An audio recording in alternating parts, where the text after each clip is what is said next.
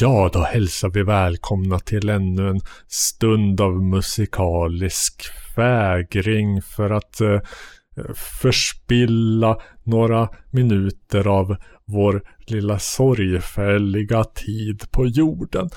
I eh, regi av Musikens makt, det, det är ju då del två av vårt eh, samkväm med Corinne Dominique. Det var ett tag sedan det första kom ut va? Eh, finns det någon väldigt god anledning till detta dröjsmål? Nej. Nej, det gör det inte. Men eh, här kommer i alla fall del två. Och så kanske ett till avsnitt eh, ganska snart va? Mm, vad nu det betyder. Hej.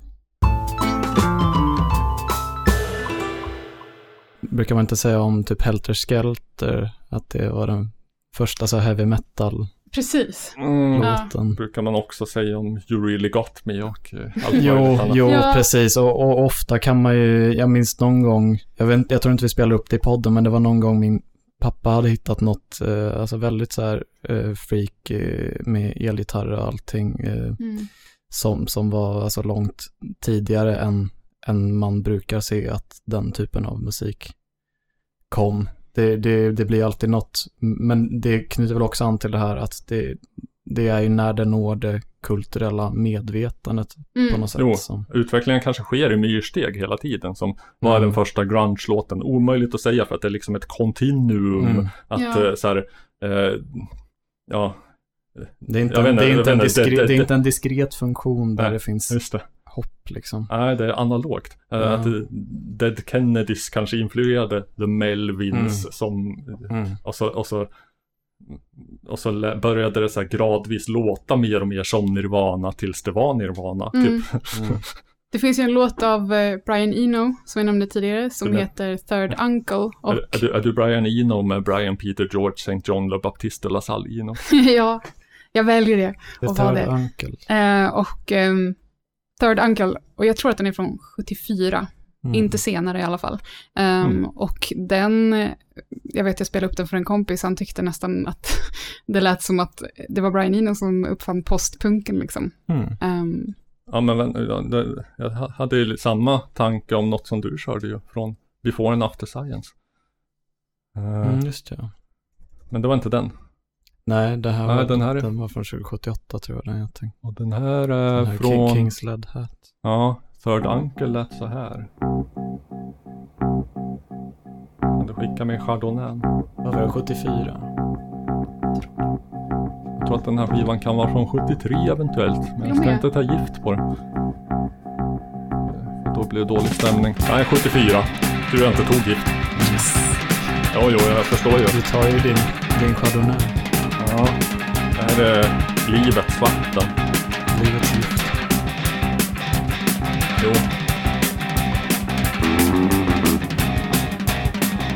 Och då blir det intressant eh, att det kan vara postpunk före punkten. ja. Jo men absolut, jag förstår ju, jag förstår ju synpunkten. Ja, men, det är lite talking head-sitt också med på den basen. Och, Det är i och för sig lite, ja, när man ser hans roll som producent för Talking Heads. Så. ja just det, det var ju, ja, ja. Ja, in- inte, inte första skivan floden strömmar med åt det hållet. Mm. Ja. Det är ju någonting med energin också i musiken, alltså Mm. en ganska Mm. hänsynslös, lite frenetisk uh, uppsluppenhet liksom. Ja, Som man, jag tycker också man kan höra det från, eh, Lite Iggy Pop. spattigt, lite spattigt. Ja, Ja, Modern ja. Lovers-spattigt. Mm. precis. Jo. Jag gillar. Uh, men apropå Oj. saker som, som, som var saker långt innan de sakerna fanns. Mm. Uh, ska vi testa när ni tror att den här är ifrån. Jag tror man får spola fram en bit. Men först är det bara en massa blaj. Ska vi lyssna på trummorna? Kanske. Eller kan, ja, de kan nog vara missliga. Men vad fan, kom igång. Så. Så kanske.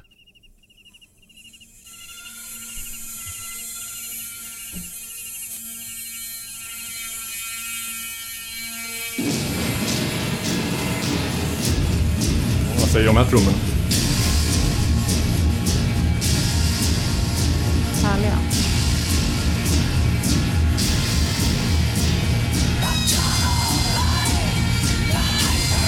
Sexpipa också. Mm.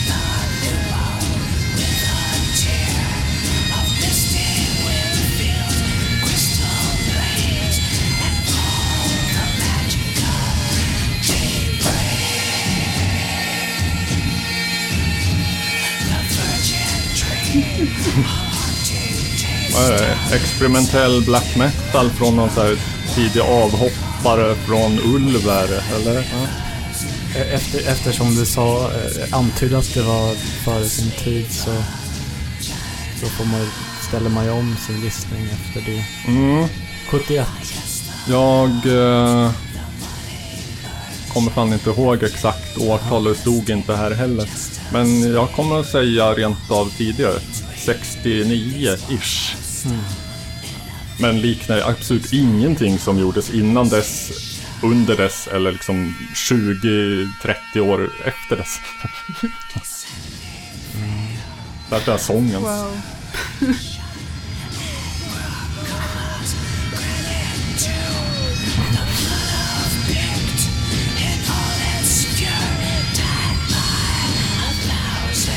Lät bandet så här eller var det någon slags utstickare, liksom experimentlåt?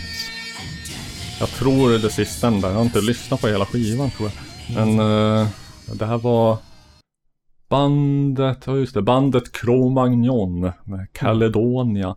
Givetvis utgivet på ESP-disk tidigare. Avhandlade, vi körde han Mi som, som vann falsett eh, Just det. topplistan. Det var klart att Mm. de skulle ge ut det här också.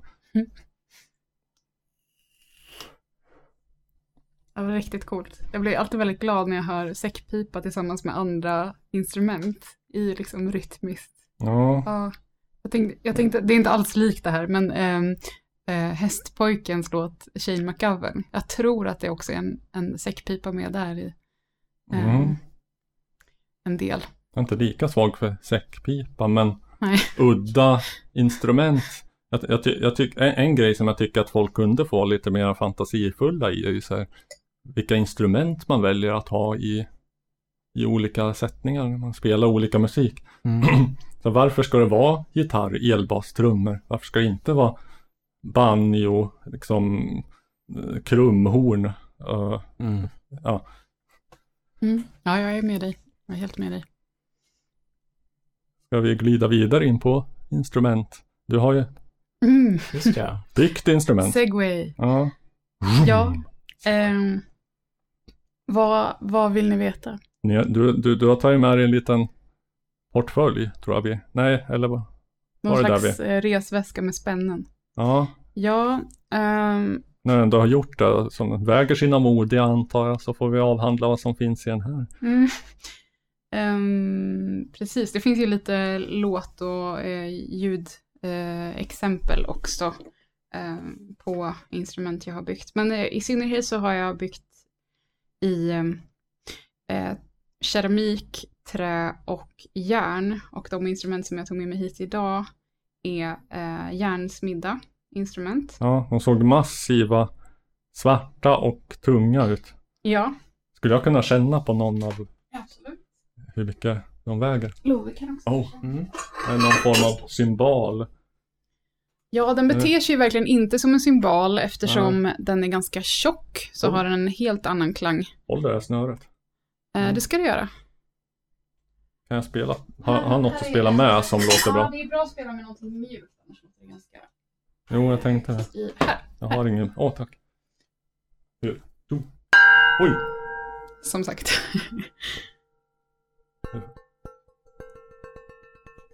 Sen har vi... eh, De flesta av de här instrumenten har jag inte döpt, men det finns ett järninstrument som jag har döpt. Eh, Och det är den här, den kallas för Bell of Doom. Mm. Ehm, Oj, där fick jag till en snygg ton. Den är väldigt så här oregelbunden så att det kommer an på exakt var man råkar spela, hur, hur det låter. Ja, just det. Ja, nu i och för sig så spelar ni på något som också är döpt. Det kallas för tefat. Det är av förklarliga skäl. Ja. Det, det är, vad ska man säga, ja det är ju större än ett tefat, det är mer som en assiett av massivt järn som väger kanske ett par kilo. Mm. Som, Är det så mycket? eh, Det vet jag inte. Förvånar mig. Man Åtminstone kan också ett. spela med stråkar på dem och det har vi en inspelning av eh, sen. Eh, Mm. Ifall vi hinner med det. Det hinner vi absolut. med. Vill någon av er introducera Bell of Doom, ni som har eh, en klubba? Ja. Bell of Doom. Oj.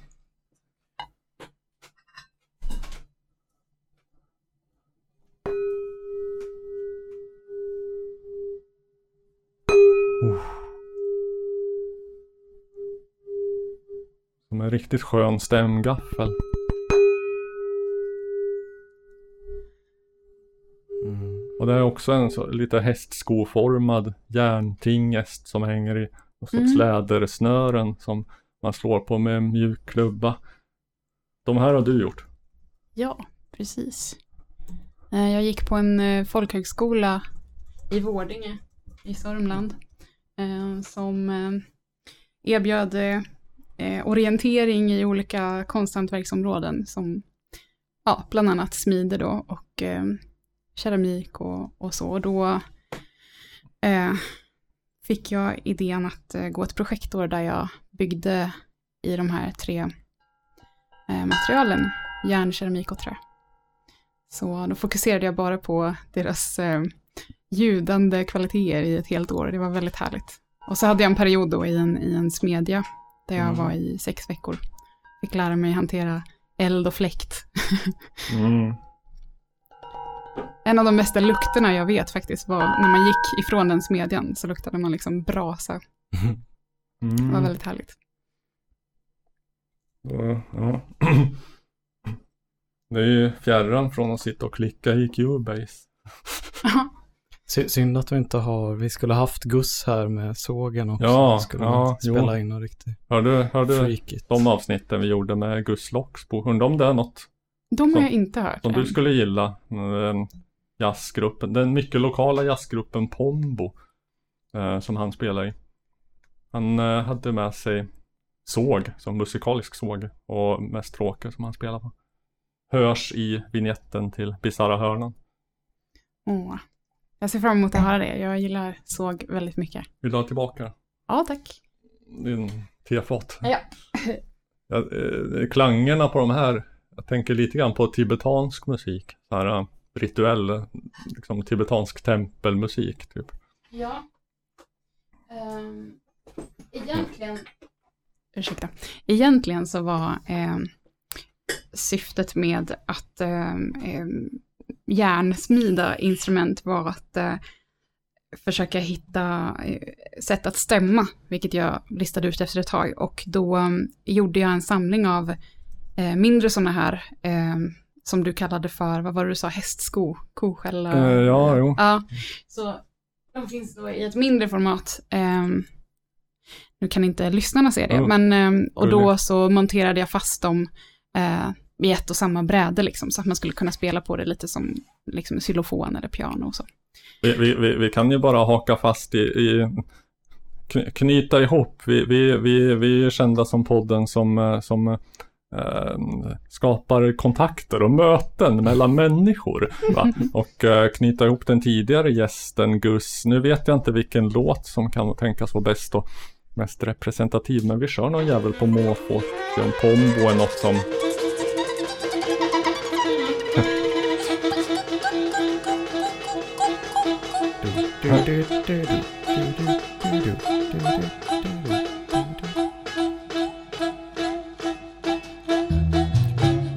Heter den Götgatan? Ja, Ja. kände igen.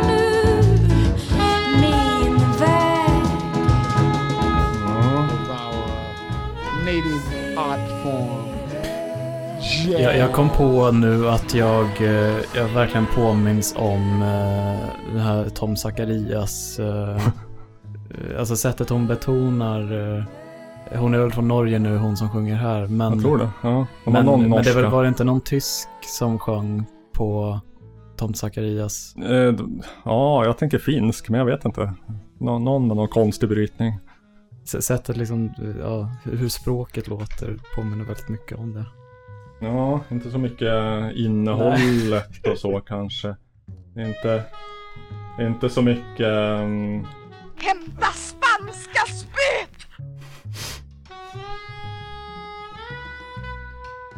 eller inte så mycket... Åh, så kåt jag är! Åh, vad kåt jag är! Åh, vad kåt du gjort mig! Ja, men det är så här, typ Där var den. pappa, pappa, Pippa, nej vad det nu heter. Vad sa du? Ja men det är den här pappa, Pippa, um, Ja, just det. Jo, jo. jo, jo. Vi behöver inte gå ner i det kaninhålet. Men det är ganska, en ganska sällsynt kombination är ju så här musik som man blir liksom störtgolvad av direkt och som håller i längden. Liksom. Mm. De, mm, de är ofta antingen så här kortsiktigt eh, verkande Mm. eller långsiktigt. Mm. Tänker du på någon särskild musik? Det gör jag verkligen inte alls faktiskt. Också eh, det, det fjärde alternativet där som kan vara ganska vanligt. Något man inte gillar första gången man lyssnar på det och inte gillar ju mer man lyssnar på det. Ja, ja, jo. Som man ger hur många chanser som helst. Men som bara... Har du några exempel där? Nej men bara allmän, alltså musik som bara jag tycker är tråkig. Det blir bara värre och värre. Ja, men om något, är väldigt, om något är väldigt tråkigt, om en väldigt så här formularisk, tråkig poplåt eh, så kommer jag inte gilla det mer jag hör det och, och jag kommer förmodligen inte gilla det första gången jag hör det. Om det var en så här radio, radiopopmusik. Kan hända att du kommer gilla det om 20 år när det liksom tolkas in i ett nytt eh, sammanhang. Ja, eller när man blir lite så här nostalgisk och bara, Mm, ja men jag kan känna det så här bara, ja men att om man tänker, jag gillade inte den popmusiken som gick på radion för eh, 15 år sedan, men men jämför man med den skiten så varje dag så kan man ändå bli lite glad när man hör någon gammal. ja, det går ju bara ut för med allting. Det är Brexit, Man det är så här- Trump. När man hör någon så här är... David Guetta eller något. Ja. Eller vad ungdomen lyssnar på idag. Mm. Och Så här. Som det, Tocken Däringa Avicii det kallar. Ja. Duran Duran. Mm. De är inte så dumma. Nej, eller hur? Vem hade sagt det? Alltså 1980 års motsvarighet till Ove och Robert hade ju inte sagt Nej, att nej, nej, verkligen nej, inte. du, Duran Duran är inte så dumma. Men det är de ju inte. Nej. De är bra. De må vara hur plas, plastiga och fake and gay som helst. Men det, det kan också vara en kvalitet. Mm.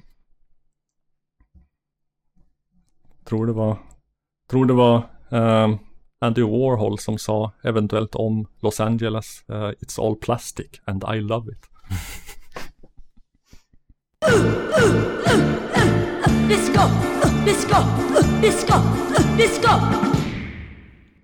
Jaha, då har vi sträckt på oss lite grann. Mm. Tack vare eh, teknikens under så märker inte lyssnade. Fast nu, nu har jag sagt det och liksom spräckt illusionen här. Det är den mäns- det är, ja, mänskliga faktorn där. Vi förstör alltid de möjligheter vi har genom att påpeka det som Mm. problemet som det var tänkt att Ja, lösa. vad gör vi så för?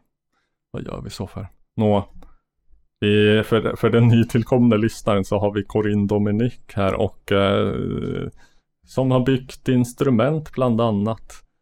Ska vi höra på något? Nå, du hade någon form av smakprov på musik, eh, inte bara skriven av dig utan så att säga rent fysiskt byggd av dig.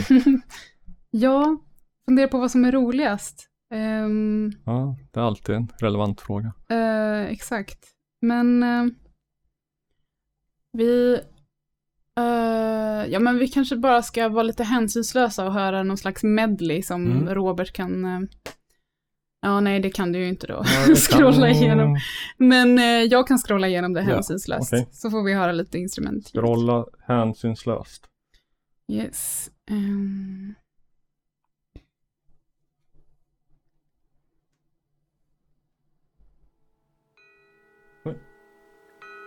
Kan du beskriva vad det är vi hör? Ja, nu har vi Bell of Doom. Eh, här. Det var den du hade med dig. Precis. Ehm, och här har vi några keramikflöjter. Oh. Oj. Och det är en ensemble som heter Mimi Tabu som spelar på de här. Låter som någon tropisk fågel typ. Det blir lite som sådana, vad heter de, lergök. Ja, ja. Fast eh, De är också av keramik va? Jo, jag menar det. Mm. Sen så pratar vi ju, tidigare pratade vi lite om eh, hur man förhåller sig med, eh, ja, till liksom tonhöjd och sånt när man, eh, när man till exempel då smider eh, Mm, instrument i järn. Och det ska det komma ett exempel på här om jag hoppar fram lite. Ja. Ehm, här kommer ett sånt Oj. exempel.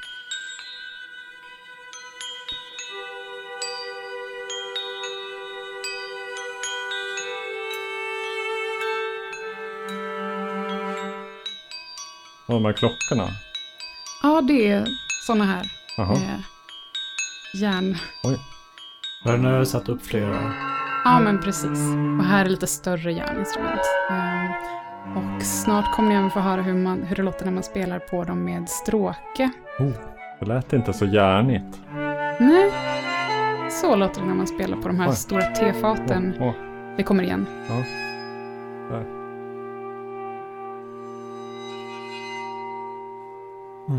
Och sen så har vi också ehm, några mindre tefat ehm, som låter så här.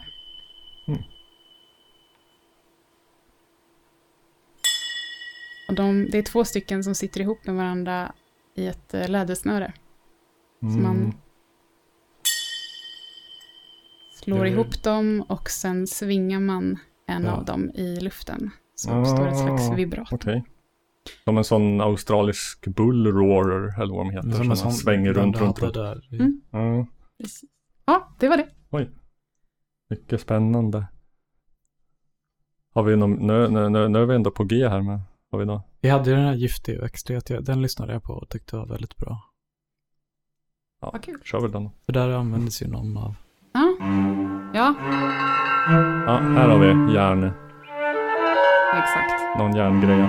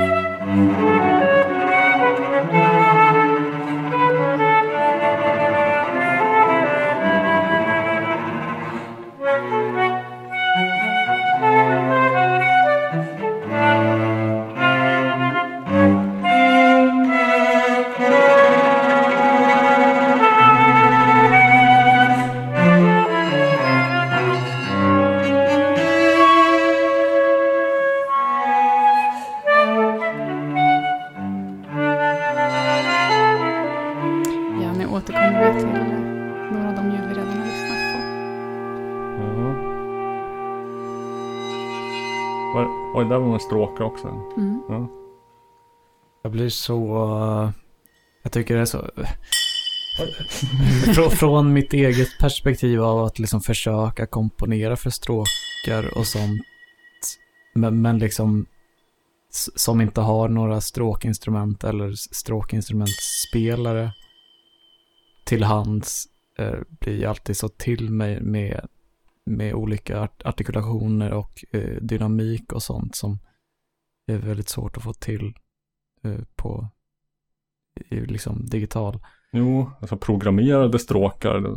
Då känns det som att man, då ska man vara inne och så här detaljpilla i varenda liten Ja, ton ja. för att det inte ska låta helt mekaniskt Ja. och liksom dött och trist. Om det inte är exakt den effekten man vill åt, vilket också är en estetik som jag kan Mm. respektera. Mm.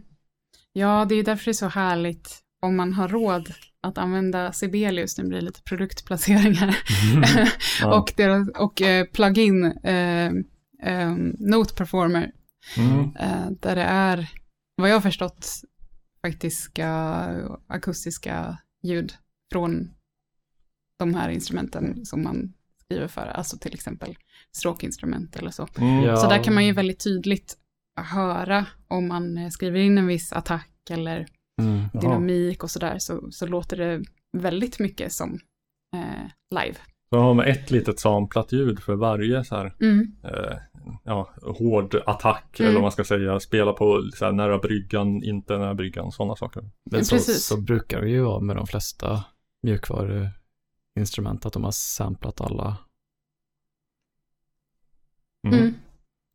Sen så- finns så, det ju så det är såklart- inget unikt för det just, utan det, Nej, just de det. flesta så här Nej, stora contact eh, ta vårt public service-uppdrag på allvar. Så det finns andra noteringsprogram också. Men det är klart att det finns, även, det finns en begränsning även där för hur live det kan låta. Alltså naturligtvis, jag föredrar ju också en människa som spelar musiken.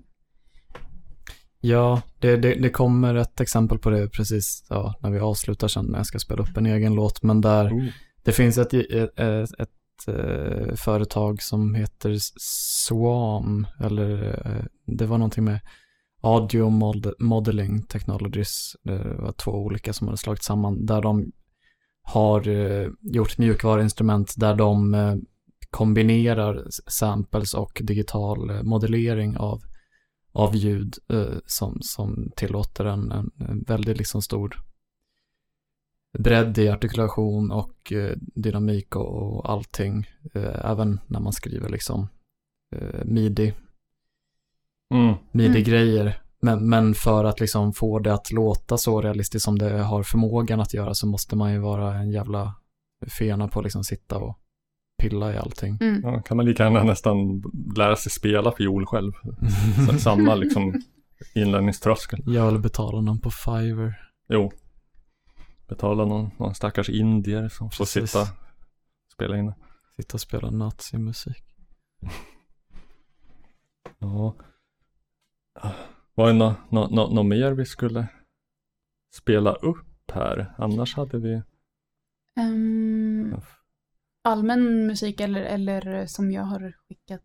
Ja, är det något av det som du känner att det här måste absolut spelas? jag har ju ett, ett tioårsjubileum eh, Ja. för en låt, men eh, vi kan vänta med den till lite senare. Okej, Eh, vi bordlägger den till lite senare och lägger en mental vad heter, det, bokmärke. Ja, jag hade skickat så, som i alla fall Corinne tyckte var intressant. Eh, exempelämnet, eh, vilken så, som jag mest tycker är så kul att höra från andra eh, som är så att säga intresserade av musik. Vilket jag upptäckt att inte alla är. Eh, alla lyssnar på musik men alla är inte intresserade. Alla lyssnar inte på musik vill jag tillägga. Ja. Jag känner en person som aldrig fått ut något av att lyssna på musik. Ja.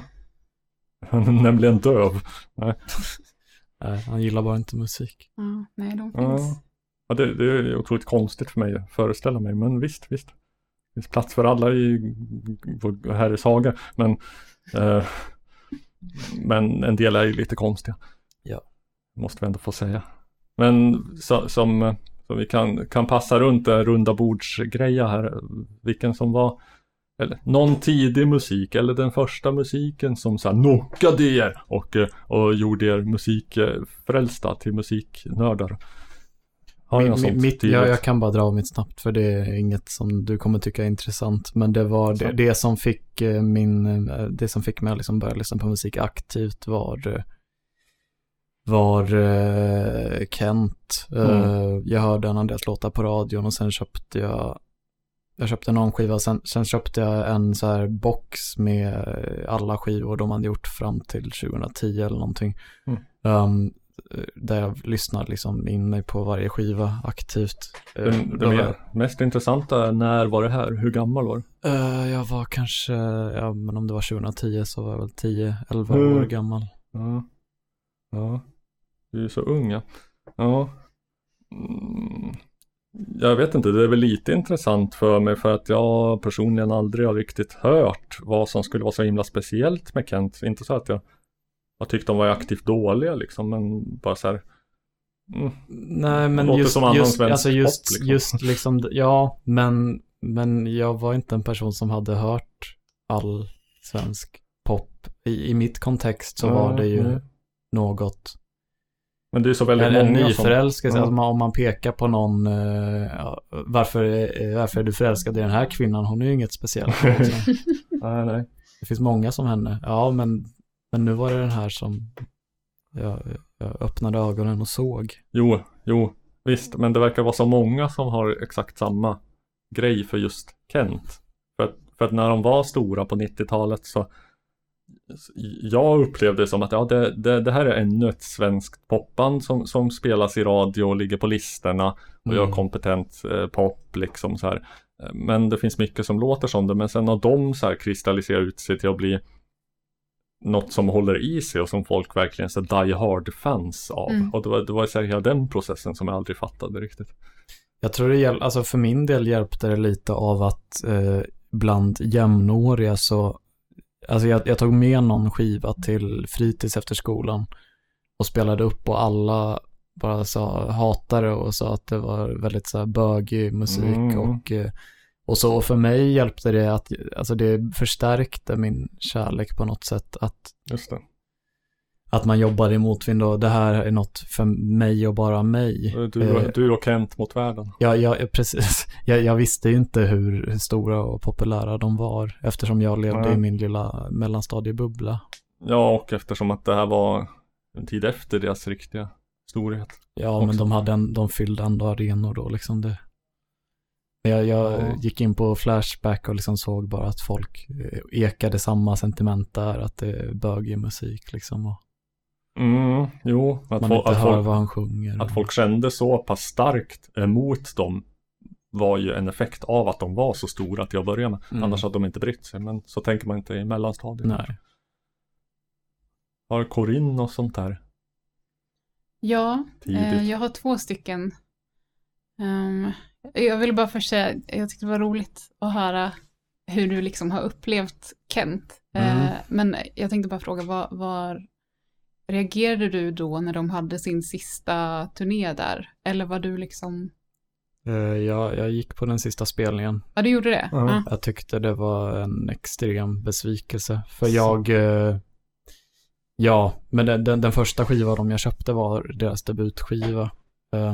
Så det är ju den jag har starkast eh, sentimental koppling till. Mm. Och eh, jag är inget fan överhuvudtaget av den, liksom musik de gjort under 10-talet. Ehm, Mm. Så det var ju, det var ju nästan bara, de spelade någon låt från deras andra skiva och någon låt från deras tredje skiva, men annars var det ju bara liksom, Men eh, var du vitklädd? Var det då när alla skulle vara det? nej, det var ju typ 2002. Jaha. jag kollar jag. Mm. Um, nej, ha, vad har du för relation till?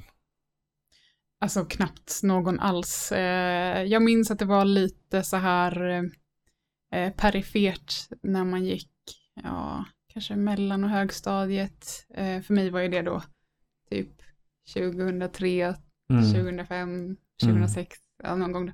Men, ehm, men eh, jag kommer ihåg att jag reagerade på att både med Kent och med, med Håkan, Mm. inget efternamn behövs, Nej. så, så sades det ju att ja, det här är sån musik som man antingen hatar eller älskar och jag tyckte att det i sig var lite provocerande för att jag Mm. kände att vadå, vi som inte känner någonting då?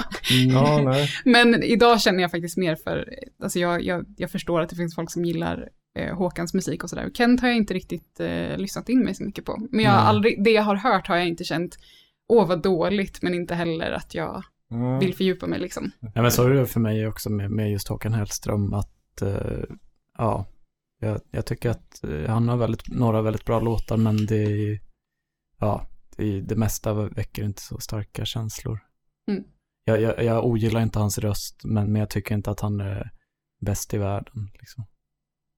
Nej, jag, jag, jag, jag ogillar hans röst, men jag är beredd att dö för hans rätt att ha den. Exakt, exakt, vältalat.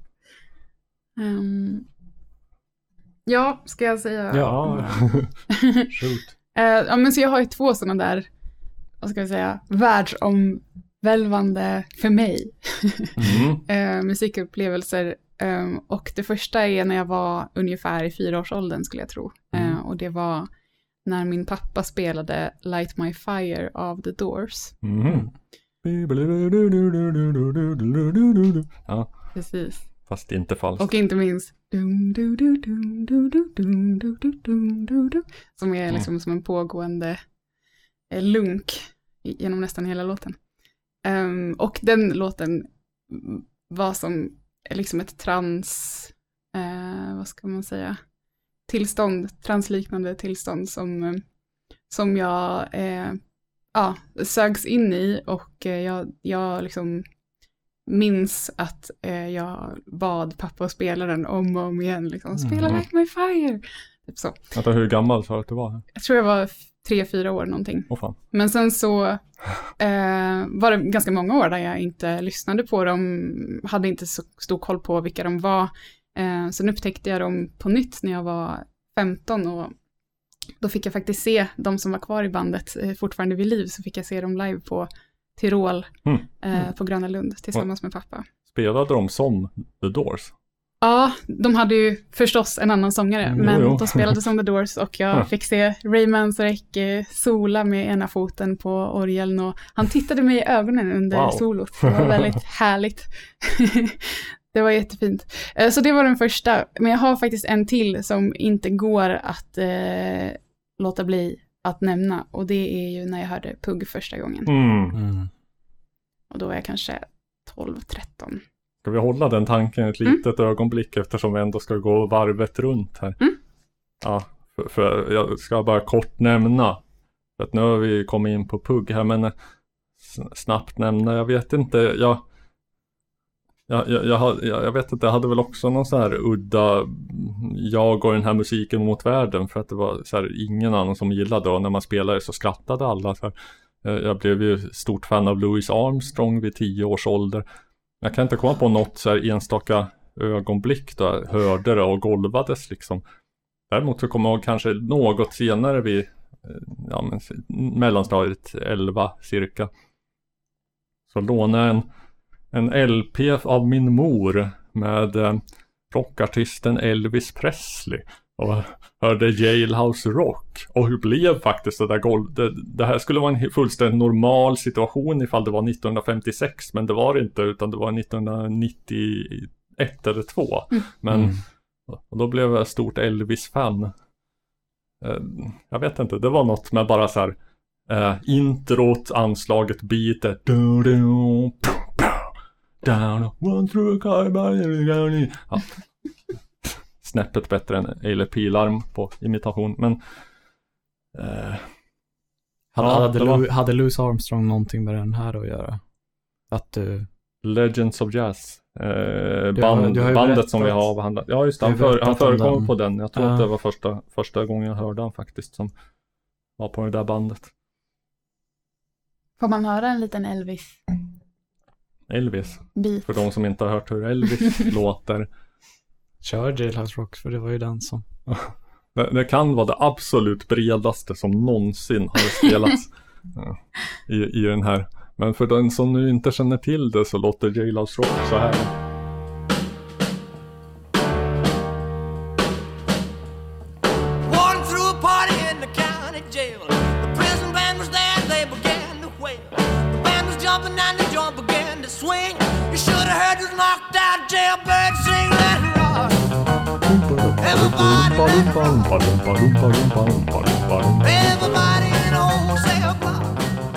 Så har han en så underbar röst.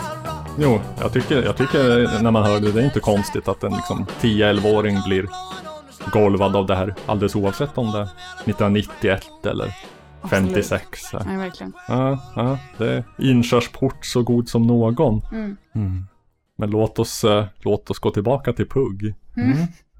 Är det något som har Det är något som har hängt med dig? För, för det känns lite otippat att ha PUG som sin stora Eller en av sina stora grejer men, Ja, visst är det det. Blessing and a curse. men samtidigt inte. Han är ju unik bland svenska artister. Mm. Ja, det hade kanske varit mindre otippat om jag var 50-talist eller 40-talist Mm. eller 60-talist. Ehm, men ehm, ja, nej men eh, det kom sig av att eh, han eh, hade gett ut en, en samlingsbox 2003, tror jag att det var, Eh, och min pappa införskaffade den. Och i samma veva så fick han idén om att göra en eh, dokumentärfilm om Pugg Ja. och det han har gjort för typ svenskt musikliv. Ehm, Finns och- denna film? Ja, det är, det är en definitionsfråga. Ja, Han inledde i alla fall den processen och eh, det eh, var ett eh, slags eh, samarbete ett tag, eh, ganska många år faktiskt, där pappa och ett gäng andra fotografer och ibland jag följde med på diverse PUG-konserter och Jaha. turnéer. Och vi fick också tillgång till ganska mycket arkivmaterial eh, som är väldigt härligt att se, speciellt när man är ung och jättenyfiken på allt, Mm. Mm. eh, speciellt vad gäller musik. Eh, så att jag fick ju se PUG i väldigt många olika tidsåldrar och blev liksom förtrollad. Dels för att musiken grep tag i en från liksom den första låten jag hörde, som jag tror var Har du varit på cirkus? Mm. Ehm, faktiskt den första singeln han Mm. gav ut någonsin.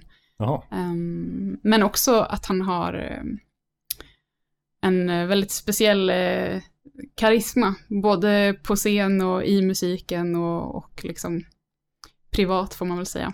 Han har ju liksom ett väldigt speciellt uttryck överhuvudtaget. Mm. Som, alltså man kan, man kan, första skivan kom 69. Man kan ju bara tänka sig hur jävla unikt det var då. Mm. Men det är fortfarande unikt när man lyssnar på det. Så det finns ju ingen svensk musik som, som låter så. Jag skulle säga den skivan första. Ja, det är det. Mm. Mm. Rätt uttal. Eh, Exakt. att den är säkert topp fem svenska skivor någonsin. Mm. Ja, vad kul att höra. Ja, det tycker jag med. Jo, Ehm, jag är väldigt stort fan av hans tidiga eh, skivor överlag. Alltså, eh, de tre första håller jag ungefär lika högt allihopa. Han eh, släppte Puggish efter Ja det är det och sen släppte han Hollywood. Kan jag få välja en låt att köra för det Absolut. bara kliar i fingrar och öron. Uh, har vi ju då då. Alltså, då, då får man tänka sig in i, i, i Sverige 69. Proggen hade inte riktigt dragit igång på allvar. Eh, rock på svenska var väl fortfarande mest så här eh, Rock-Ragge och Rock-Boris och Little Gerhard och Rock-Olga typ. Och något lite mer så här alternativ rock. Det fanns väl så här Mäcki, Mark Men, International Harvester och lite sådana psykiga grejer. Men den här sortens rock på svenska hade ju aldrig gjorts förut. Och nästan inte igen. För det är ju så här, hela skivan igenom är ju så här väldigt unik, e- särpräglad så här lekfull stämning. Hoppas du håller med här. Mm, Alltså, 100 procent. Ja. Ja. Möjligen liksom, om man ska dra mer samtida jämförelser, det, det, det är ju inte alls likadant, men, men jag vet inte, jag tänker på vissa så här Dungen. Dungen är uppenbart influerade. Jo, Det tror jag att han har sagt till och med Mm, Ja. ett antal gånger. tror jag inte Jo, det- kontroversiellt det- nej, det påstående. förvånar- Förvånar ingen.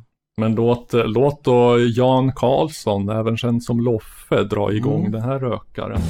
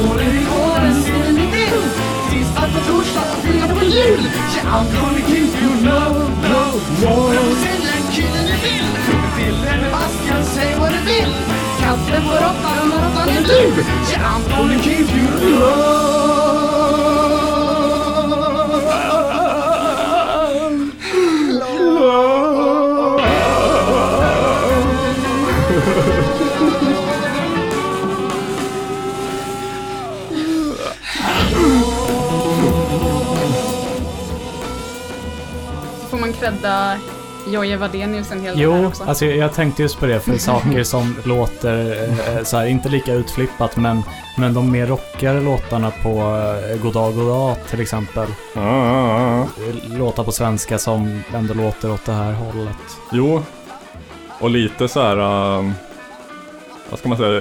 Lyriska också. Eller som Goddag Goddag är ju barn. Mm. Poesi för barn tonsatt Mm. liksom. Uh, det, det här, han- han jobbar ju med, med rim och ramser och lite så här nästan Len, Lennart Hellsing eh, nonsens liksom. och Få, Barbro fåren i kolen och, ja jo. gjorde väl också texterna. Ja. Ja. Mhm. Kul att höra den. Jo, alltid kul. Har, har du någon mer fa- pugg-favorit som kanske inte är från den här skivan? För att jag har egentligen bara inlyssnat på den här skivan. Ja, ehm, eh, om inte Love har någon som han tänker först. Eh, Jag har också mest lyssnat på den skivan. Nej, men eh, jag har så här per perioder där jag går lite fram och tillbaka mellan, ja men nu, nu är det Puggish som är bäst och, och nu är det Hollywood som är bäst. Men jag tror ändå att Hollywood är den som har eh, faktiskt eh, fått, eh, ja, all, alla de här skivorna har gjort jättestort intryck. Men jag tror det är den jag har lyssnat allra mest på faktiskt. Ehm, och eh, då finns det, ja, ska vi ta låten Hollywood kanske? Här hade vi den skivan ja. Alldeles redan framme här. Nu ska vi se. Eh, det kan vi väl göra. Den lät så här. Den lät så här. Oj. Moniga. Mm.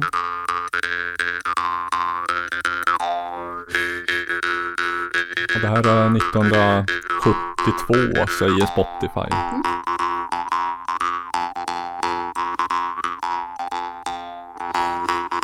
Vi kommer nu att få höra Brecht i puggtappning. Mm. För att förtjäna brödfödan. Jag har väl hört på Surabaya Johnny också. Ja just det. går jag tidigt varje morgon till torget där man handlar med lögner. Nämen.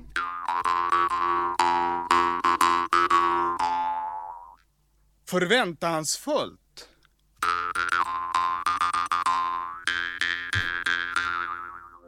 Armbågar jag mig fram bland försäljarna.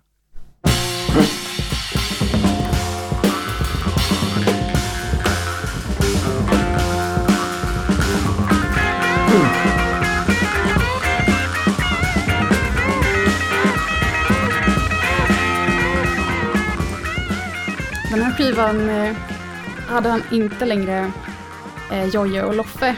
Utan eh, jag tror gitarristen här är Kenny Håkansson. Ja, ja. Det är, det är inte kattskit det heller. Vad var det han spelade Kebnekaise väl? Eller? Kanske. Jag vågar inte Ja, nej säga vi, det. vi tar inte gift på det heller. Oj.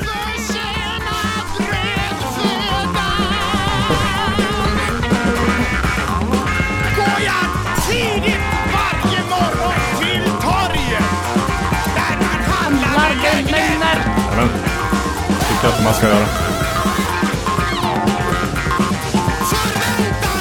Oj.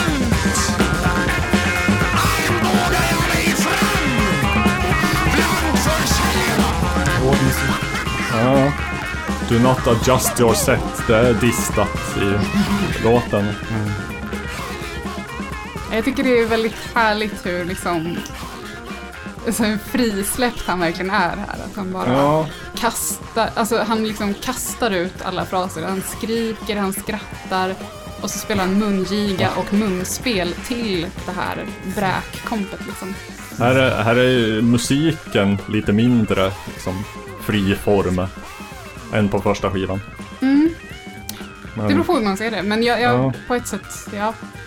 Eh, han, den känns lite mer bunden, men mm, Fast med mungigan liksom i början.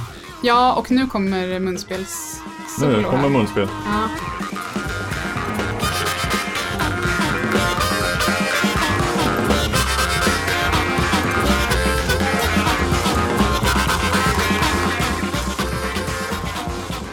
Snyggt samspel med munspelet och trummorna. Mm.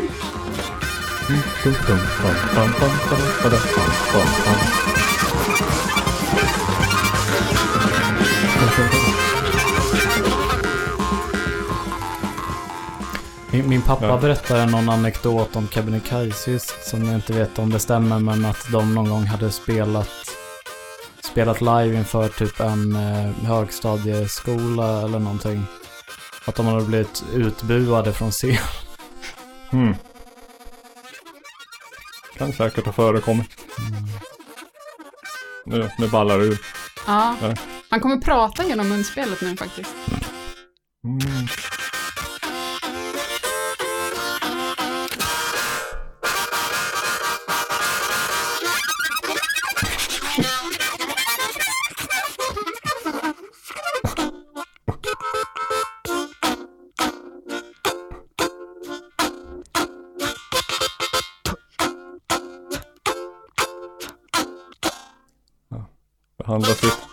Sitt munspel ni som... vad han säger? Nej. Nej, det är mycket svårt. Hollywood. Att han säger Ah. Jaha, ja. Att behandla sitt munspel som Ian Andersson sin tvärflöjt. Jag, jag, minns, Ja. jag minns en gång när jag, när jag hade tagit svamp och så lyssnade jag på en, jag lyssnade på Shooting eh, to the Moon eller vad det nu heter av Kevin Ayers.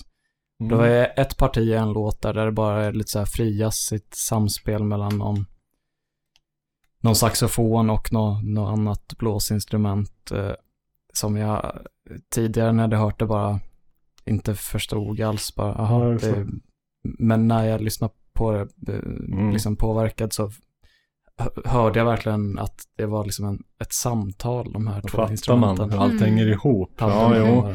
Så när, när jag tog svamp och lyssnade på Pink Floyds Pipers Pipe at the at the Gates of Dawn. of Dawn och plötsligt förstod texterna. Mm. Jo, eh, jag blir extra imponerad om det var så att han spelade mungiga och munspel samtidigt. Men Ja, det jag jag misstänker inte att han han gjorde. inte gjorde. Nej. Men vid samma tillfälle i alla fall. Mm. Mm. Uh, inte någon sån eh, Roland Kirk som kör tre saxofoner i käften samtidigt. Jag antar, att ni, jag antar, antar att båda ni hade en liknande uppväxt som jag, där man alltid hade en mungiga nära till hands hemma. Eh, Eh, ja. Jag har aldrig haft, aldrig haft en mungiga nära till hands. Nej, Men det var nog fel på mina tänder tror jag, för jag lyckades aldrig hitta ett sätt att spela på den utan att det Att den slog in. slog in Ja. liksom och drämde till. Ja. Ja. det gör ju lite ont. Ja. Mm. Mm. Ja. Ska vi ta oss an nästa gubbe? ja. Den, den elefanten i rummet. Gubbkvällen, nu kör Ja, vi. jo. För att uh, du, du, Corinne, du, du, du var ju lite motvillig att prata om influenser och sådär. Men jag tycker mig vissa grejer som, som, som vi har, lite av det som har spelat kanske. Annat som vi inte har spelat, som du har gjort. Och skickat till oss. Att eh, man hör att du eventuellt, alltså så här. Det, det, det, det, det, det är allmänt, allmänt känt, alla vet att du är ett Zappa-fan. Mm. Liksom jag. Liksom kanske Love? Eller? Ja, för, men, men jag tror att äh, breda offentligheten känner nog mest till henne som Sveriges största puggfan. Men, Jo. men det är fo- fotnot att hon också gillar Zappa. Jo, Många strängar på sin lyra. Ja, Eh. Man kan hela två gubbar samtidigt. Det är helt sjukt. Jo, men, men eh, någonting får mig att tro att du kanske är ett fan av, det finns ju väldigt många olika Zappa va? Verkligen. Jo, att du kanske är ett fan av en Zappa som inte är så populär hos den breda populasen, nämligen, vad ska man kalla det, konstmusik Zappa. Eh, jo, ja, jo. Mm, nej. Ja. Det, det är min första reaktion på, på det, men utveckla gärna hur du menar. ja, intressant. Vilken period menar du? Eller ja, det är svårt att säga. Ja, egentligen hela, för att det var ju från så här, allra första skivan med Mothers så var det så här ljudkollage, liksom Varese, Stravinsky-influerat eh, grejer. Så här. Ah, ja. Jag förstår vad du menar. Alltså det är så svårt att veta. Alltså, återigen det här begreppet konstmusik. Det, det, är liksom, det skapar, skapar eh, missförstånd Mm. och klyftor. Eh, det, är mycket, det är mycket möjligt att, att det är någon speciell musik du tänker på som jag säkert är ett fan av. Jag vet ju att han gillar Ed, eh, Edgar Varese Mm. och eh, jag har också kollat upp de här grejerna som Zappa har sagt att han gillar av Varese och så har jag också Jo. tyckt om dem. Ja. Ehm, Där har vi verkligen så här, ifall han hade varit med i runda bordsgrejen om vad man först blev golvad av, kunde han berätta om när han så här, typ som tolvåring eller något fick höra den svårartade modernistiska kompositören Edgar Varese och hans Mm. verk för slagverk och så här. mhm, mm. Och, och, och, och tyckte att det här var det bästa som någonsin har gjorts. Han spelade för alla, han kunde inte fatta hur ingen annan tyckte om det. Mm. Jag, jag är ju lite svennig grej kanske, men, men den som jag tycker är bäst, som, som jag har hört av Zappa är den låten Peaches and Regalia. Den är Mm, den är jättefin. Ehm, och det är ju, ja, det, det, det är ju inte Bobby Brown liksom, det är lite mer utflippat och eh, liksom, Ja, eh, och, det- och, ja, orkest, eh, orkes, orkestermässigt. den, ja, inte utflippat så att det på så vis att det är någon så här eh, friform Nej, solo. nej, liksom. men det- är- Det är inte Jo. pop på, på det sättet. den, den, den går ju den perfekta balansgången mellan eh, brett och tillgängligt och liksom Mm. svårt och avantgardigt tycker jag nästan. Mm. Eh, nej men alltså Zappa är ju rolig på det sättet att han är ju så himla mångsidig och varierad att en skiva kan ju låta på liksom 12 eller 51 olika sätt. Mm. Eh, och det gör ju också att de flesta Zappa-perioder är intressanta tycker jag. Mm. Det spelar inte så stor roll om han var 50 eller 27 när han skapade någonting. Ehm, så han, han har ju som ett eget, ja, en egen värld på det sättet. Eh, men det jag tänker på just nu är väl att eh, för tre dagar sedan, så inte igår, inte i förrgår, utan den dagen som var före förrgår, Mm. Så var det- var före så var det 52 år sedan som han gav ut skivan Weasels Ripped My Flesh. Och där finns det musik som jag avskyr och musik som jag älskar. och en låt som jag älskar från den skivan är Oh No. Den, eh, den kan vi köra lite. Jag vill Mm. bara inflika, jag, jag tror att skivtiteln Weasels Ripped My Flesh att den är tagen från någon så här eh, det, det fanns under en period kanske på 50-talet någon sorts eh, väldigt lowbrow, lågt ansedda magasin som kanske inte var pornografiska men de vände sig till män och jag vet inte ha- handlade om manliga karakarars eh, olika, vad de kan tänkas ha för intressen och kanske var äventyrliga historier om karakarar som gjorde karakara-grejer och Mm. någonting sånt där. Och då, då har jag sett så här olika omslag på sådana tidningar och på någon så stod så, så, nästan som dagens clickbait liksom. Man har en så här väldigt iögonenfallande rubrik på det här den här rafflande historien väntar dig ifall du köper den här tidningen. Mm. På en av dem stod det Weasels ripped my flesh. Fantastiskt. Vil, vad hette, vilken Oh, no. låt var det du sa? Oh No. Från Ja, Weasels. oh no, no, Ja, no, Det finns no, många no, no. versioner av den så, så Ja. det är rätt bra om det är från den skivan. Jo, jag har hört den inbakad i lite olika eh, album och den hette, ja, den, Jag, jag tycker du kan ta någon så här mellanjingel sen. Vi har ju den här Jimmy Carl Black som känns passande. ja, just det. Mhm. Jo, men nu först så kör vi, kör vi, kör vi, det gör vi. Oh Just det. no, I don't believe it. Say that you think you know the meaning of love. Say love is all we need. You say with your love you could change all of the fools, all of the hate. I think you're probably out to lunch. Oh no, I don't believe it. You say that you think you know the meaning of love. Do you really think it can be told? You say that you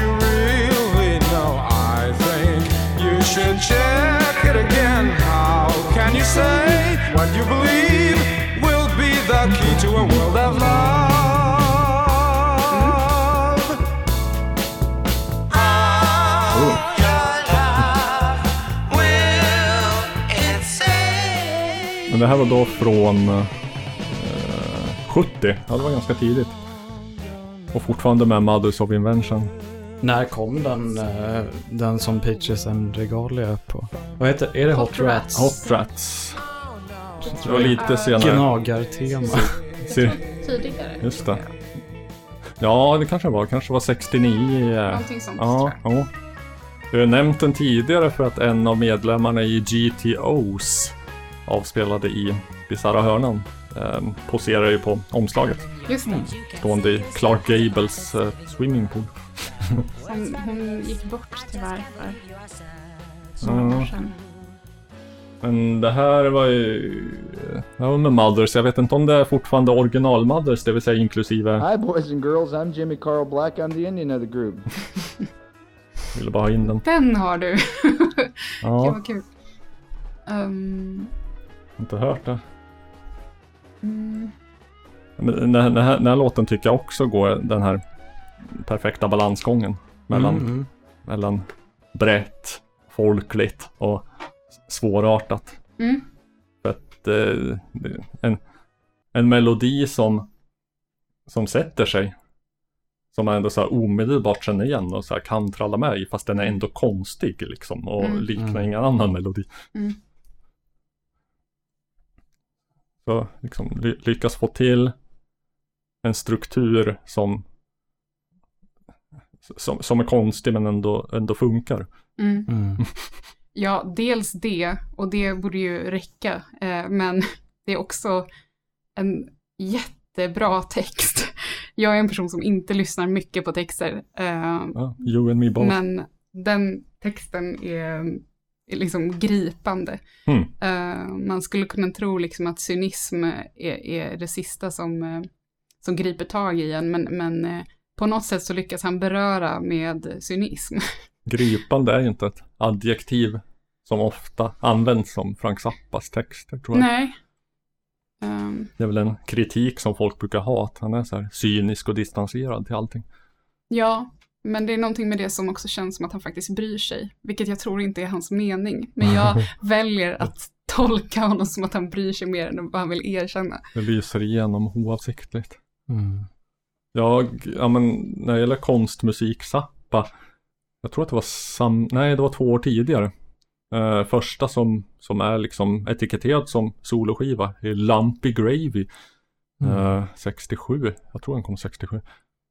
Som, som jag så här ofta hoppat över. För att jag älskar, Var det där med så här improvisationsaktigt? det är väl rätt mycket så här liksom människor som ligger och pratar inuti pianon och sånt där. Och så, som avskräcker en att det är två långa oavbrutna LP-sidor bara. Så. Mm. Eh, men så jag lyssnade igenom den igen och upptäckte att det finns jävligt bra musik på den.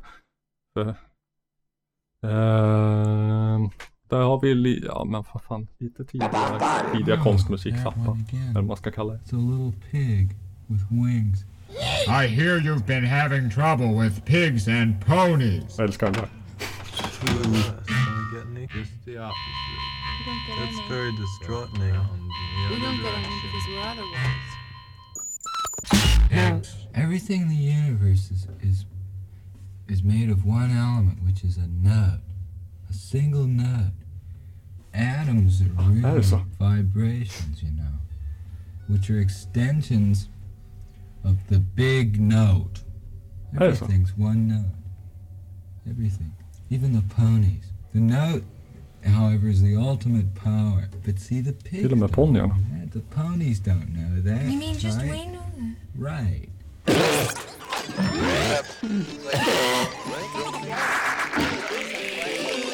De spelar mycket av det här i Zappa Radio som jag upptäckte när jag eh, fick en dator som hade tillgång till så här, iTunes och eh, då fanns Zappa där. Mm. Typ Zappacast tror jag att det hette. Mm. Ja, så alla de stora hitsen.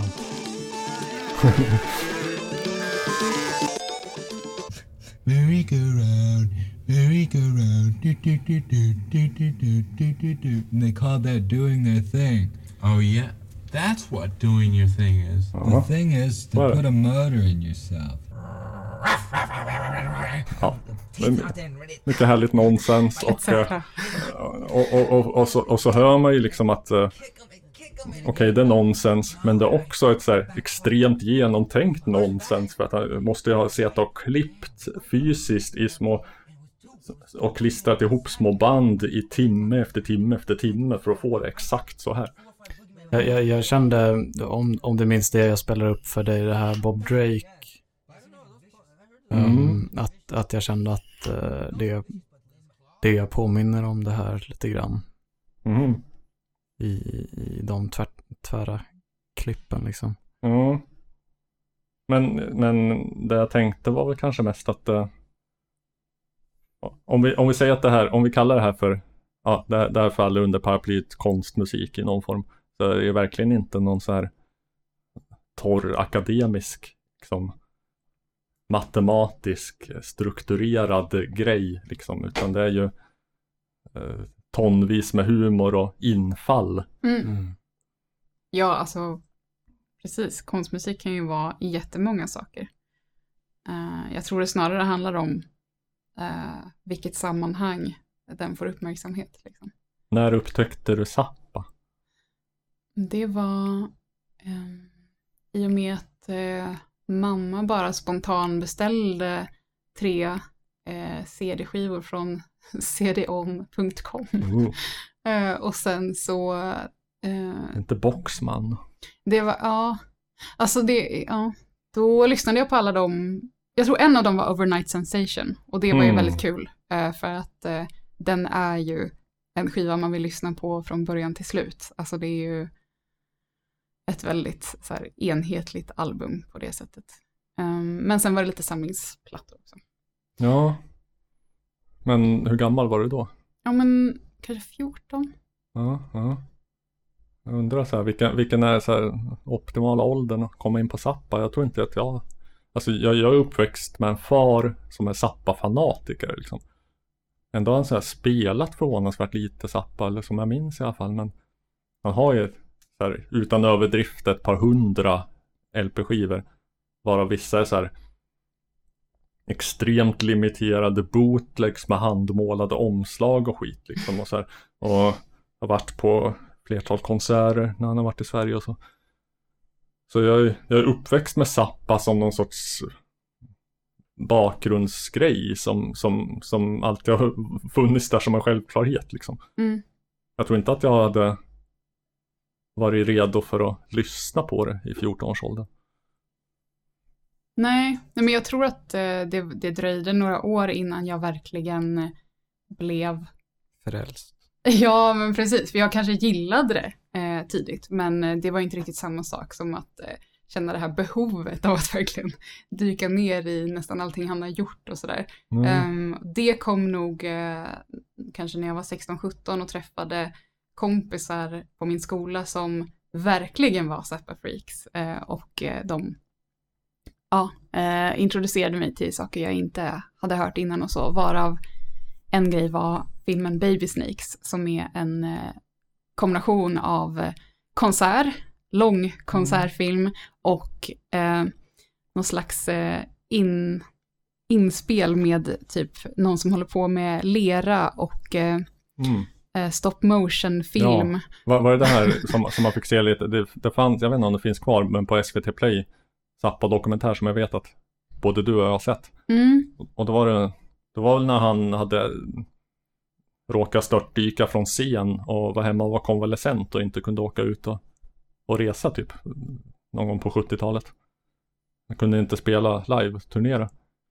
Så kom det hem någon kille till hans hem liksom och började göra den här otroligt jävla creepy men så extremt välgjorda leranimationer Mm. om jag vet inte vad. Men Ja, han, delvis så började han ju eh, modellera Zappa. Alltså Ja, att jo. han eh, skapade Zappa i litet lerformat. Jo, man får ju se lite sekvenser. Men finns det som en färdig film liksom? Jag har inte fattat det. Ja, om man, om man är intresserad av Zappa och inte känner till eller har sett den så rekommenderar jag verkligen att man gör det. För det var Ja. den filmen som verkligen, eh, ja, om inte frälste så, så ja, dränkte mig. I- din Ja, ja, jag Ja. blev i alla fall helt förändrad för alltid och sen har jag sett den filmen säkert över tio gånger. Ja. Ja, jag blev bara så mindblown av att det, det fanns folk i, i, i skolan liksom du gick i som, som var riktiga eh, Jo, det var också. Zappa-fanatiker. Det, det, det är så långt. Jag, jag minns en gång i gymnasiet när det var någon person, ja, någon av de populära som sa för sina kompisar så att ni grabbar, jag upptäcker vä- världens sjukaste musikgenre. Ni har aldrig hört talas om det. Det heter progressiv rock. Wow. Ja. Ehm, Jag hade tur. mm. Eh, det, samma sak hände faktiskt med Pugg eh, tidigt när jag började gymnasiet. Att jag hörde en tjej som sedan blev min kompis nämna Pugg. Och jag trodde Mm. att jag inbillade mig. Mm. Så sa jag ursäkta vad sa du nu? Ja. Så sa han ja Pugg. Och sen så the rest was history. Hon är Mm. faktiskt med på en av låtarna som jag tänkte spela upp lite senare. Spela Okej, saxofon. okej. Ja. Mm, men har du, alltså av alla sappor som finns, har du någon favorit?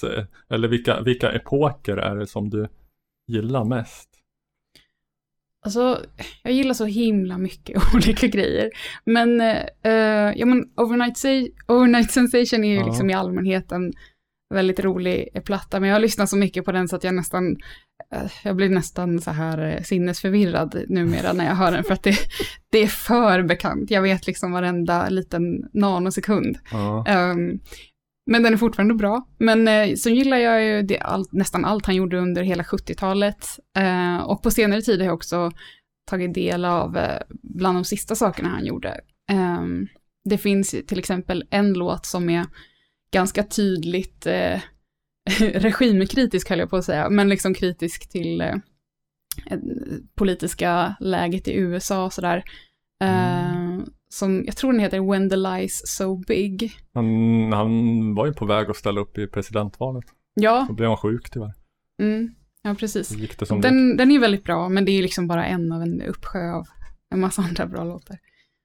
Mm. Ja, jag, jag är väl mest svag för sena eh, 60-tals eh, Zappa, liksom Mm. hippie-satir, eh, Mm, Only mm. in it for the money, Zappa. Ja, den Och- gillar jag. Ja, och sen, kanske så här mitt, tidig mitten av 70-tal Zappa. Mm. Med liksom, här, det pärlbandet av album, nu kollar jag här, Apostrophe, Roxy and Elsewhere, Overnight Mm. Sensation, med Ja. inte den ordningen. Jävla 10 poängare allihopa.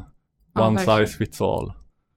Den är ju underbar eh, också. Eh, där finns det ju låten Inca Roads som, Mm. Mm. Ja, ja. som är väldigt fin. Som jag har fått höra live faktiskt. Jag såg eh, Zappas son och eh, musiker i Göteborg 2015. Dweezil. Precis, då spelade de den bland annat. Det, det finns en, en väldigt rolig YouTuber tycker jag som heter typ Doug eh, Halvering någonting. Ja, Så, som gör massa reaktionsvideos. Är mycket liksom progressiv rock. jo, han har kollat på en del. Ja. Han, Det är typ min pappas favorit Ja. YouTuber. Han pratar alltid om Daily Doug. Ja. Fast han, han säger Daily Dog för att han är lite osäker på hur man uttalar det.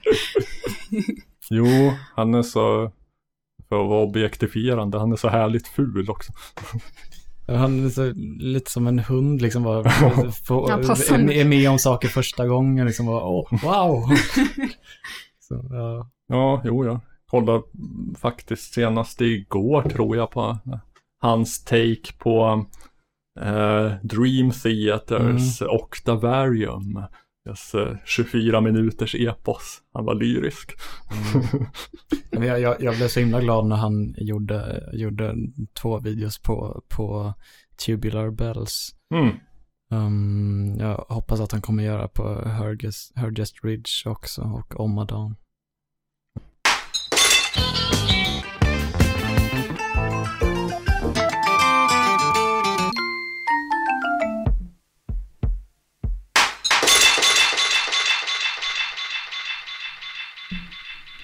Ja.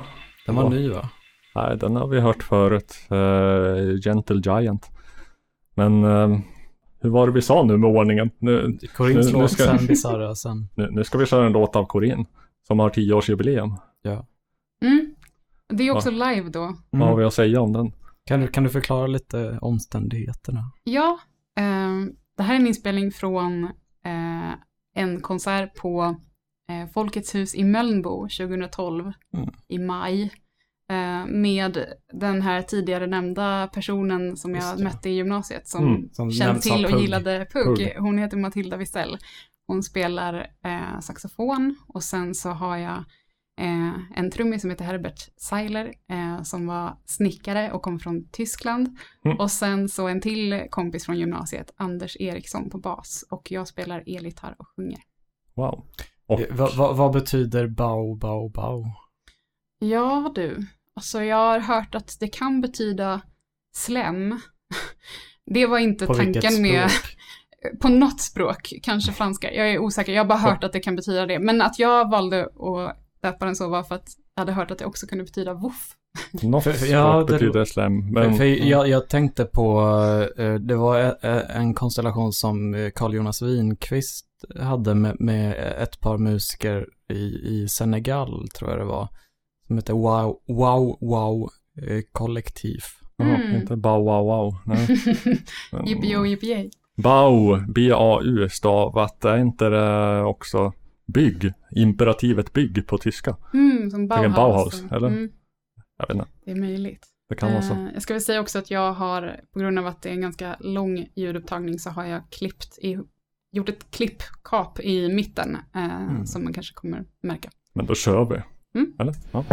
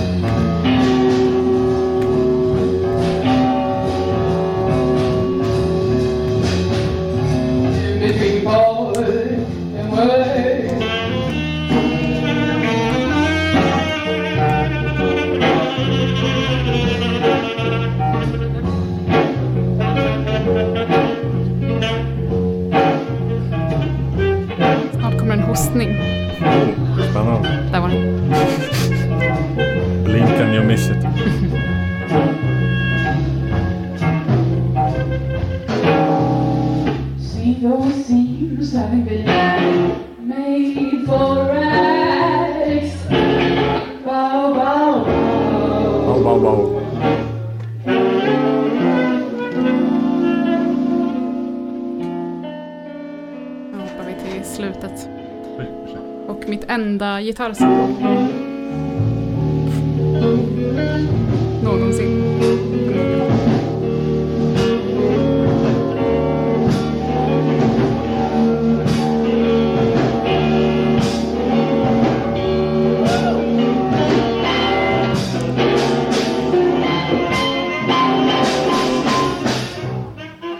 Det enda inspelade, eller det enda du någonsin har gjort i ditt liv? Både och.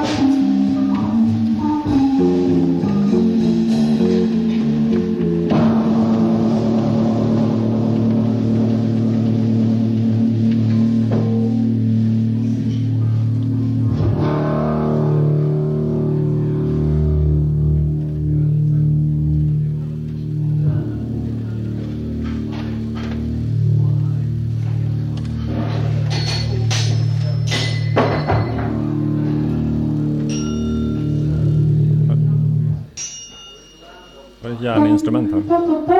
Precis. Det är stämsång från Matilda. Ja. Nu vart det stämsång.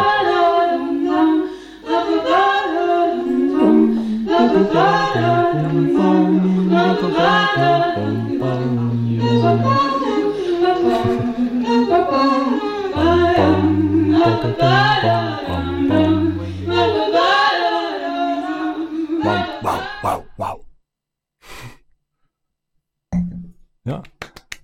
Eh, Low, alltså den, den väldiga lo-fi kvaliteten gör det lite svårt att, att, att ta till sig till fullo Mm. för mig. Mm. Men samtidigt påminner det om någon så här eh, primitiv liksom liveinspelning från 60-talet av typ Fugs eller The Gods eller International Harvester eller någonting. Det är inte så långt ifrån faktiskt. Det är inspelat med en um, kassettbandspelare som tyvärr inte kunde stå så nära scenen så att den står liksom mitt i publiken. Så det är därför man hör så här, typ så här hostningar och någon Ah. bebis i bakgrunden.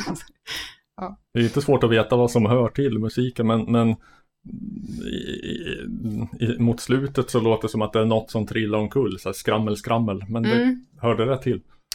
Alltså det var ju ett instrument som föll på scen. Jo.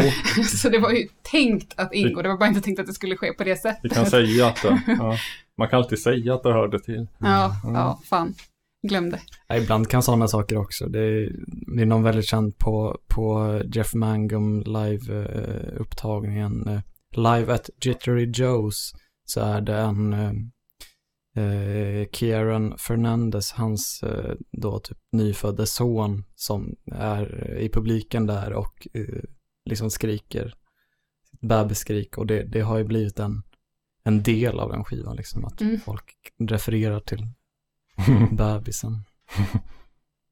Vad kul att höra. Det hade varit eh, roligt då, eh, om det fanns typ en eh, spellista eller något som man kunde höra på alla era exempel som ni har tagit upp under avsnittet. Oj, Inte för att ge er en uppgift, men Nej, eh, ni har berättat om många saker som jag hade velat lyssna på. det vore en uppgift värd. jag får helt enkelt googla. Ja, vi, vi, vi har ju fortfarande inte satt ihop någon spellista över alla låtar vi faktiskt har spelat. Och man, dessutom alla vi har nämnt. Så det, det, Alltså på något sätt borde det gå att, eh, alltså om man kunde köra någon slags skript som eh, lyssnade igenom avsnitten och eh, på något sätt märkte av när vi spelade musik och då körde någon så här eh, Shazam eller men Soundhound eller Jo, jo. någonting. jo, det kan man säkert göra. Men kommer någon att göra det? Det är den stora frågan. Ja, Om någon kommer att göra det så är det väl jag, gissar jag. Men... eh, du som eh, kan skripta. Jo, jo, jag menar det. Och det skulle kunna vara ett sånt, en sån uppgift som jag skulle kunna ta till mig. Men eh, vi får helt enkelt se. Ja. Mm. Är det dags för det här nu? Säger Ja, nu får utan hon höra sågen. nu får du höra sågen. Mm. Gus Loxbo, Bagisbo och Jazz. Han är basist va? Mm. Ja. Borde jag veta.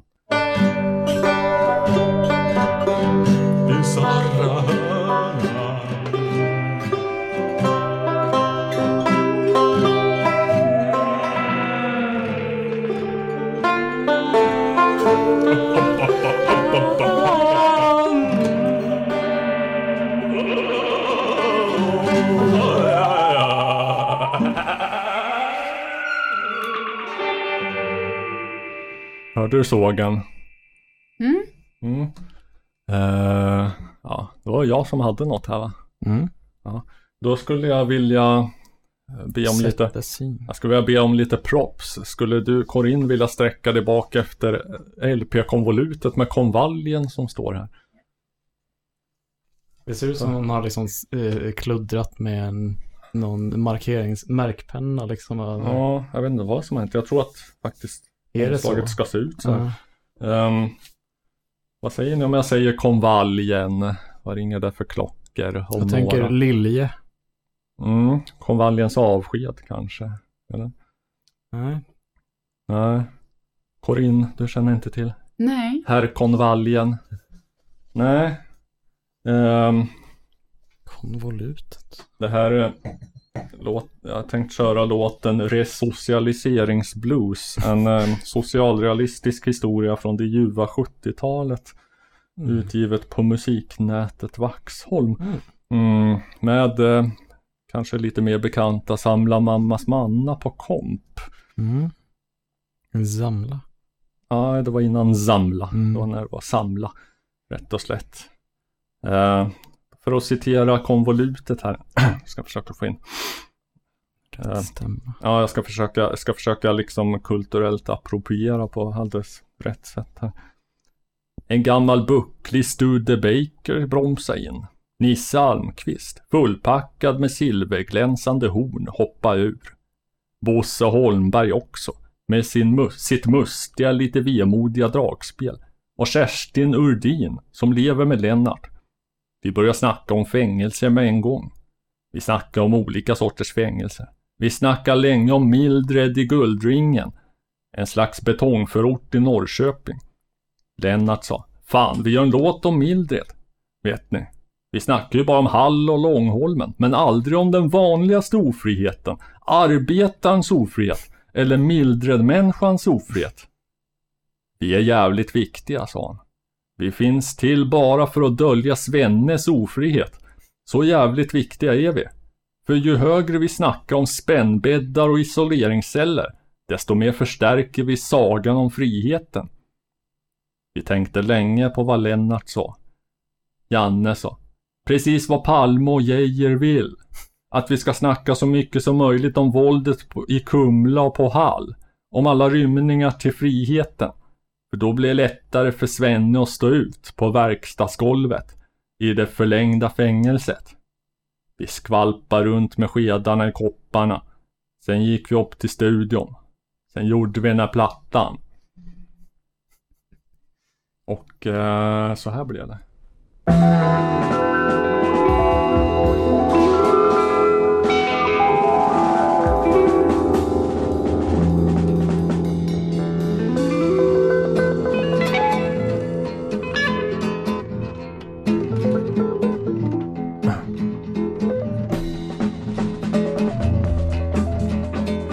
Född i Karlstad.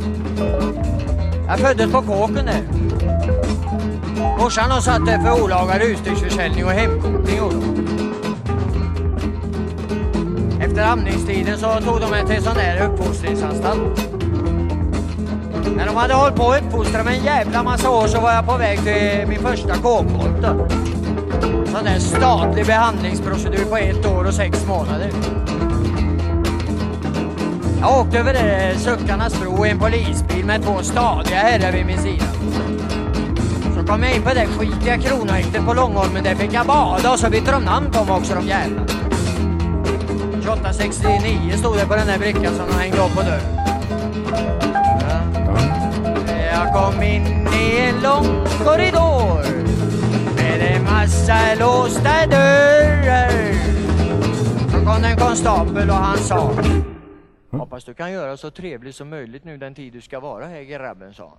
Trevlig man den där konstapeln tyckte jag just då. Alltså. Fortfarande när jag kommer in i en lång korridor så tänker jag alltid Jag kommer in i en lång korridor.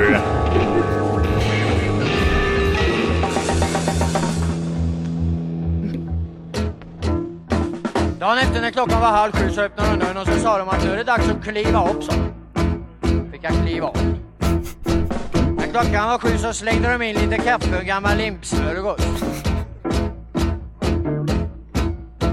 Klockan halv åtta så kom de och öppnade och sa att nu ska du börja arbeta sa de. Fick jag gå över korridoren och in i en så kallad arbetscell.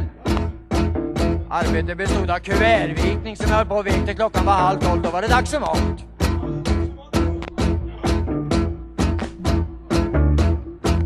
Klockan tolv så hade vi promenadgång. Vi skulle ha frisk luft i all skit. Klockan ett så var det dags för de där förbannade kuverten igen. Den här gången till klockan halv fem då var det dags för mat. Halv åtta på kvällen gick det runt ett jävla gäng så sa de godnatt, godnatt sa de. Nu är det dags att sova. Jävla gäng som sa godnatt. Så låste de dörren. Då började min första dag den här resocialiseringsproceduren. Så pågick en jävla tid tyckte jag.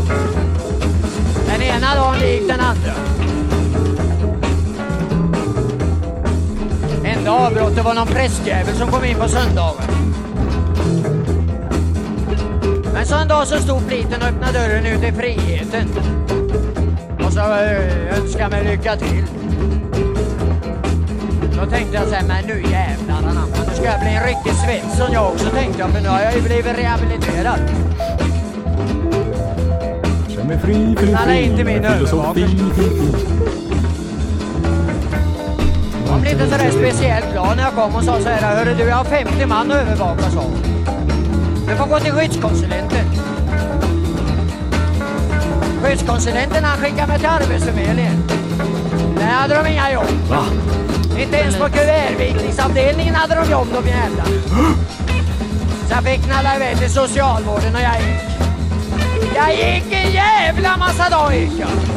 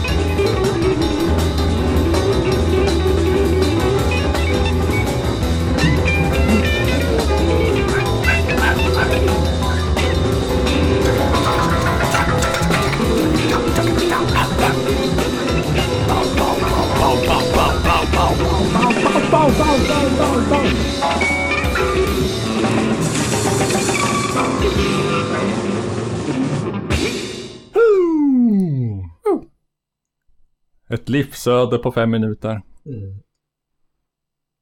Innan Love gör sin grej så ska vi väl som vanligt säga Discord, där har vi Det har inte, det har inte hänt jättemycket på sistone va? På Discord, det är lite Mm. dött. Men om du, kära lyssnare, går in och bidrar så lever det upp stället. Mm. Kan du tro.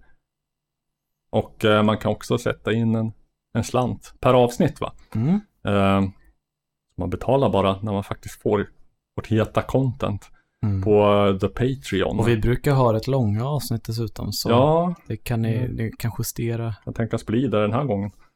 Definitivt. Pengarna går oavkortat till, till inte Loves besök på trädgårdsfestivaler utan till, Nej. till eh, eh, nudlar och eh, Och smocka på käften. spik att koka soppa på. Ja. Ja, smockorna brukar vara gratis. Ja. Det var så jävla knapert så du får betala till med för det. Inte klokt så det har blivit. Nej. Brexit och Trump va? Ja, jag... eh, Det här är en av de låtarna som var tänkt att, eh, att ges ut på den, när det fortfarande är tal om en, eh, en vinylsingel. Um, dock inte CMC 112, för jag tyckte det blev lite tråkigt i och med att ni båda har hört den redan. Mm. Så jag kommer spela den andra av de låtarna som heter så mycket som Svanarna på åkern. Och och med detta så säger vi väl tack och hej antar jag. Ja, tack så mycket. Om ingen hade något annat. Tack och hej. Det var Tack- jättekul tack till att vara med. Corinne. Tack så mycket Corinne Dominic. Tack Ja. så hemskt mycket. Eh, Och eh, piss och kräm från mig. Ja, vi ses. Vi hörs. Nu ska jag se, har, är det uppskruvat på? Det är uppskruvat. Ja. Där ute på åkern ser man en ståtlig son som tittar hit. Han är inte lika inte som ensam som familjen är där. Gör han där? Jag hade tänkt gå till Hors men det har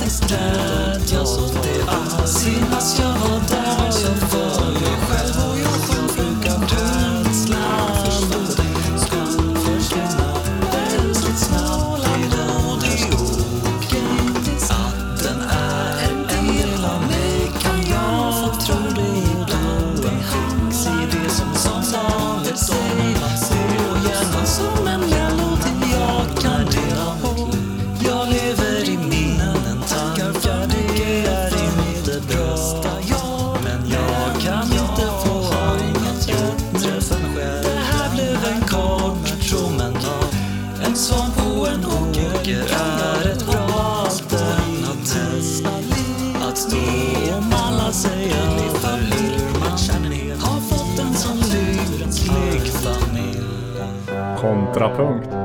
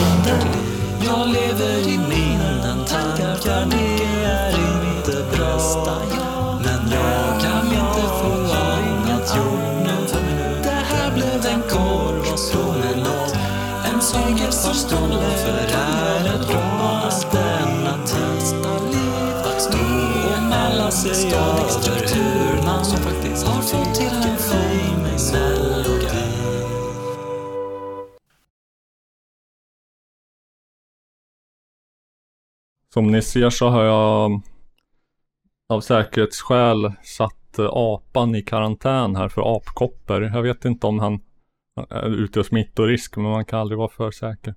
Han har fått sällskap av sköldpaddan Hansson Sven. Som, för jag tror inte att reptiler är mottagliga för apkoppor. Nej. Vad är det för reptil? Sköldpadda. Jaha. Det är, det är sköldpaddan Hansson Sven. Han heter så. Hansson i förnamn och Sven i efternamn. Är det meningen att man ska tro att det är Hanssons vän? Ja, det är en vanlig missuppfattning. Men det är inte alls Det var därför jag undrade vem Ja. reptilen var. Ah, ja, ja, ja. Reptilien Hanssons vän. Mm. Nej, oj, så tokigt det kan Fast bli. i och för sig reptilen är fortfarande Hansson då. Mm. Ja, Ja, fråga mig inte. Ja, jag lät koll på den här vän till reptilen Hansson. Ja, det är ett väldigt konstigt sätt att introducera honom. Men det var ett infall jag fick när jag var jätteliten. Så här, att han ska heta Hansson i förnamn och Sven i efternamn. Det kom till mig som uppenbarelse.